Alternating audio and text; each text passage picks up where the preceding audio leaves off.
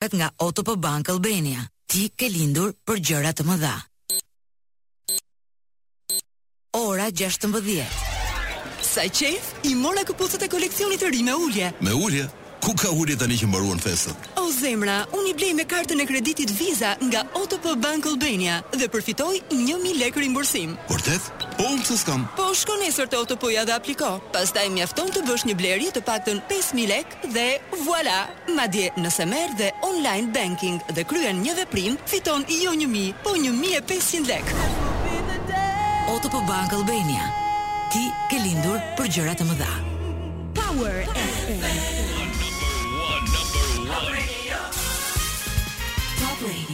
Flash në Top Albania Radio, informacionet kryesore të ditës.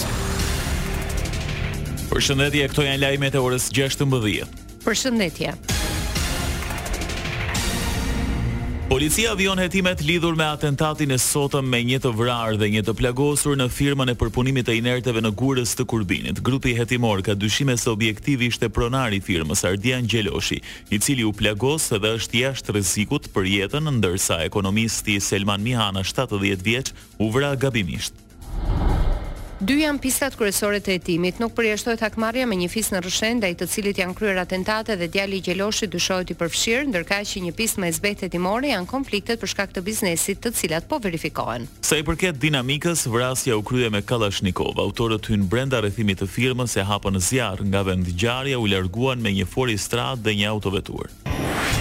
SPAK-u dërgoi për gjykim pesë të arrestuarit lidhur me mashtrimet për kriptovalutat përmes call center-ave në disa vende të Europës. Adrian Korriku, Irisa Puca, Emerxhan Çeliku, Endri Bulku dhe Erlind Sekaj akuzohen për mashtrim kompjuterik, grup i strukturuar kriminal dhe kryerja e veprave penale nga grup i strukturuar kriminal dhe organizata kriminale. Skema e mashtrimit u zbërthye në bashkëpunim me Eurojust-in dhe autoritetet në Spanjë, Gjermani, Suedi, Finlandë, Letoni, Ukrainë, Gjeorgji, Maqedoni e Veriut. Mashtrimet online në dhjetëra platforma mashtruese shënjestronin shtetas europianë. Sipas SPAK-ut, personat nën hetim kishin lidhje me Milton Group që ka organizuar mashtrim kompjuterik online në shumë shtete të Europës Perëndimore. Dëmi arrin në gjashtë pikë një milionë euro. Top Albania Radio. Është ndaluar dhënia e lejenisjes për të gjitha mjetet e vogla lundruese e anijeve të peshkimit që operojnë përgjatë bregdetit shqiptar. Vendimi i Drejtorisë së Përgjithshme Detare lidhet me situatën hidrometeorologjike të përkeqësuar. Pezullimi i nisur sot zgjat deri më dymbëdhjetë shkurt. Po ashtu njoftohet se anijet e transportit ndërkombëtar detar për pasagjerë dhe automjete në linjën Vlorë-Brindisi-Vlorë nuk do të vazhdojnë të operojnë normalisht sipas destinacioneve përkatëse deri në përmirësimin e kushteve hidrometeorologjike.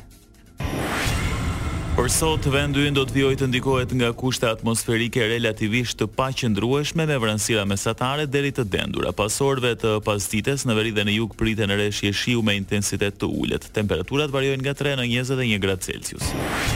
Vazhdojmë me lajmet, fermerë dhe blegtorë u bënë bashkë në një protestë para drejtorisë së bujqësisë në Devoll. Ata kanë marrë edhe traktorët duke i rreshtuar përballë drejtorisë. Ndër të tjera, kërkojnë rimbursim për çdo litër qumësht, naftë pa taksa e subvencionim për produktet organike, farat dhe fidanët. Këtë fillim vit, blegtorët u detyruan ta shesin qumështin tridhjetë e tre për qind më lirë pasi ka kërkesë të ulët në markete dhe fabrikat janë plot me stoqe, mungesa e subvencioneve si dhe ngarkesa e lartë fiskale në zinxhirin e prodhimeve blegtorale e ka bërë çmimin e qumështit në ferma dyzet deri në pesëdhjetë për qind më të lartë se i papërpunuari nga importi.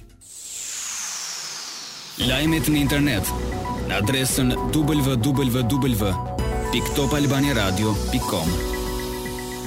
Blinken në Tiranë më gjashtëmbëdhjetë shkurt, kryeministri Rama i kushton një postim të gjatë kësaj vizite të sekretarit amerikan të shtetit. Sipas shefit të qeverisë, sekretari Blinken do të gjejë një vend aleat të angazhuar për paqen, stabilitetin demokratik dhe bashkëpunimin e gjithanshëm në rajonin tonë. Ndër të tjera, Rama thekson se Shqipëria i ka shtrirë dorën e miqësisë të gjithëve në rajon dhe mbështet pa asnjë rezervë përpjekjet e Bashkimit Europian e të Shteteve të Bashkuara për normalizimin e marrëdhënieve Kosovë-Serbi. Për kryeministrin, ardhja e sekretarit të shtetit në këto kohë kaq të trazuara për botën, si dhe zgjedhja për t'u ndalur në Tiranë kanë një vlerë shumë të veçantë për Shqipërinë. Lajme nga rajoni.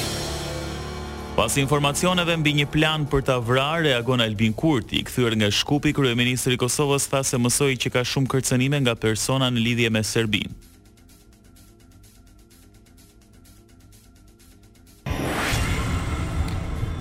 Mediat kosovare raportojnë se pranë institucioneve të sigurisë në Kosovë, nga burime të besueshme mësuan se pas mbledhjes së Këshillit të Sigurimit të OKB-së nga Serbia, kishte përpjekje për vrasjen e Albin Kurtit në Shkup. Kryeministri qëndroi mbrëmë në kryeqytetin e Maqedonisë së Veriut. Sipas mediave në Kosovë, vlerësimet për kërcënimin e jetës së Kurtit ishin serioze, sidomos për faktin që erdhën nga disa burime të informacionit.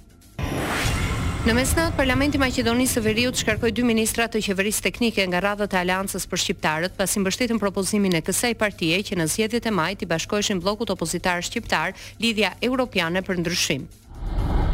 Shkarkimet e ministrit të Shëndetësisë Fatmir Mexhiti dhe atij të Administratës e Shoqërisë Informatike Azir Aliu shkaktoi tensione e polemika të shumta mes forcave politike në pushtet dhe në opozitë.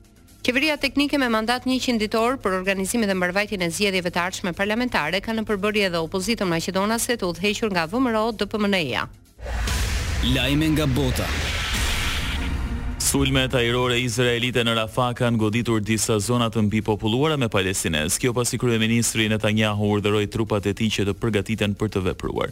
Rafahu është kthyer në zonën e fundit ku mund të strehohen palestinezët pas nisjes së luftës më shtatë tetor.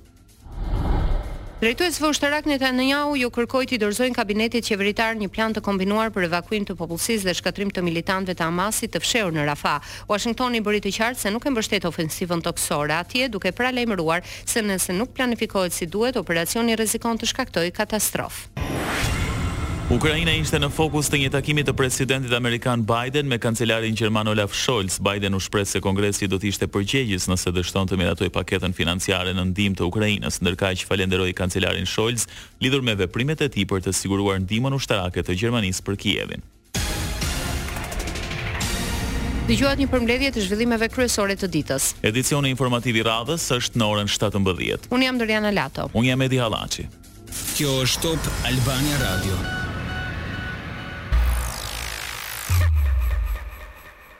Kampionët janë gjithmonë krah njëri-tjetrit.